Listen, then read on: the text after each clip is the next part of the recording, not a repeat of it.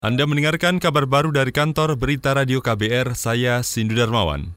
Menteri Koordinator Bidang Perekonomian Airlangga Hartarto optimistis Indonesia bertahan di tengah ancaman resesi global. Ini disampaikan Airlangga usai serah terima jabatan dengan pendahulunya di Kemenko Perekonomian, yakni Darmin Nasution. Erlangga menyebut akan memanfaatkan potensi perdagangan dalam negeri dan menggenjot perekonomian nasional untuk mengatasi ancaman resesi global. Ya tentu kita akan terus memonitor perkembangan, tetapi salah satu safeguard yang kita punya adalah domestic market.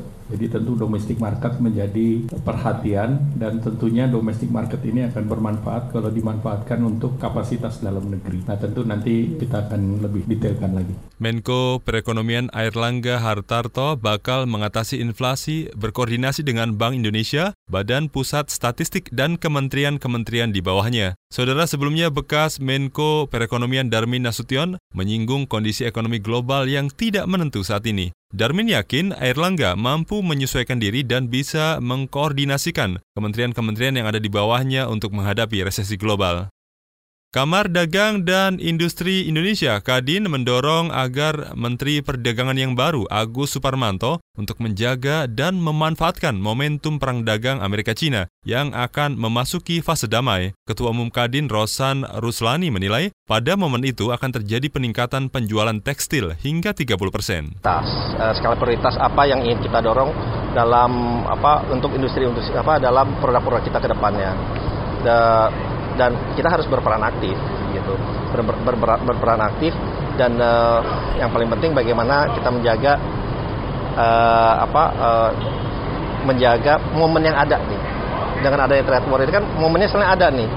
Uh, seperti saya mungkin pernah sampaikan baik tekstil meningkat 25-30 persen. Ketua Umum Kadin Rosan Ruslani menambahkan tantangan lainnya bagi politikus Partai Kebangkitan Bangsa itu, yaitu mengatasi defisit neraca berjalan, neraca perdagangan, anggaran belanja, serta permasalahan izin usaha di Indonesia. Kadin juga mengingatkan pemerintah untuk mewaspadai kondisi ekonomi global yang dapat memengaruhi ekspor Indonesia.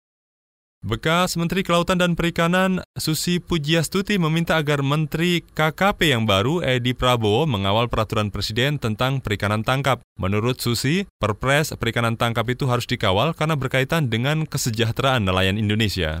Saya titip Perpres 44 ke Bapak, kemudian saya juga titip penanggulangan alat-alat tangkap yang tidak ramah lingkungan, baik cantrang, troll, bom, portas, dinamit supaya laut kita terus lestari dan produktif.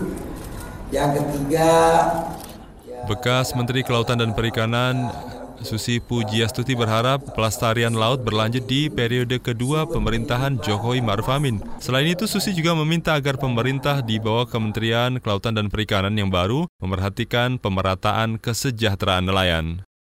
Kita beralih ke soal lain. Komite Nasional Keselamatan Transportasi KNKT hari ini menyampaikan hasil investigasi kecelakaan pesawat Lion Air ke keluarga korban di kantor Kementerian Perhubungan. Menurut Beni Junaidi, paman dari salah seorang awak kabin Lion Air, Denny Maulana, meski telah merelakan, ia dan keluarga tetap ingin mengetahui penyebab terjadinya kecelakaan pesawat.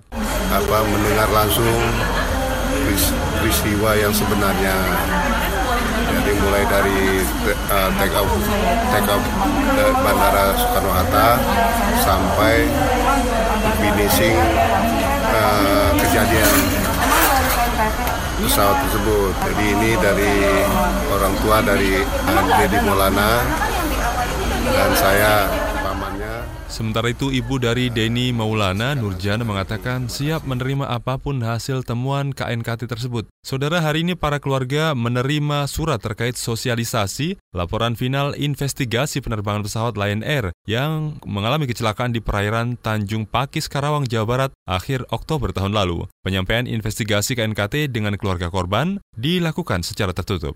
Demikian kabar baru dari kantor Berita Radio KBR. Saya Sindu Darmawan.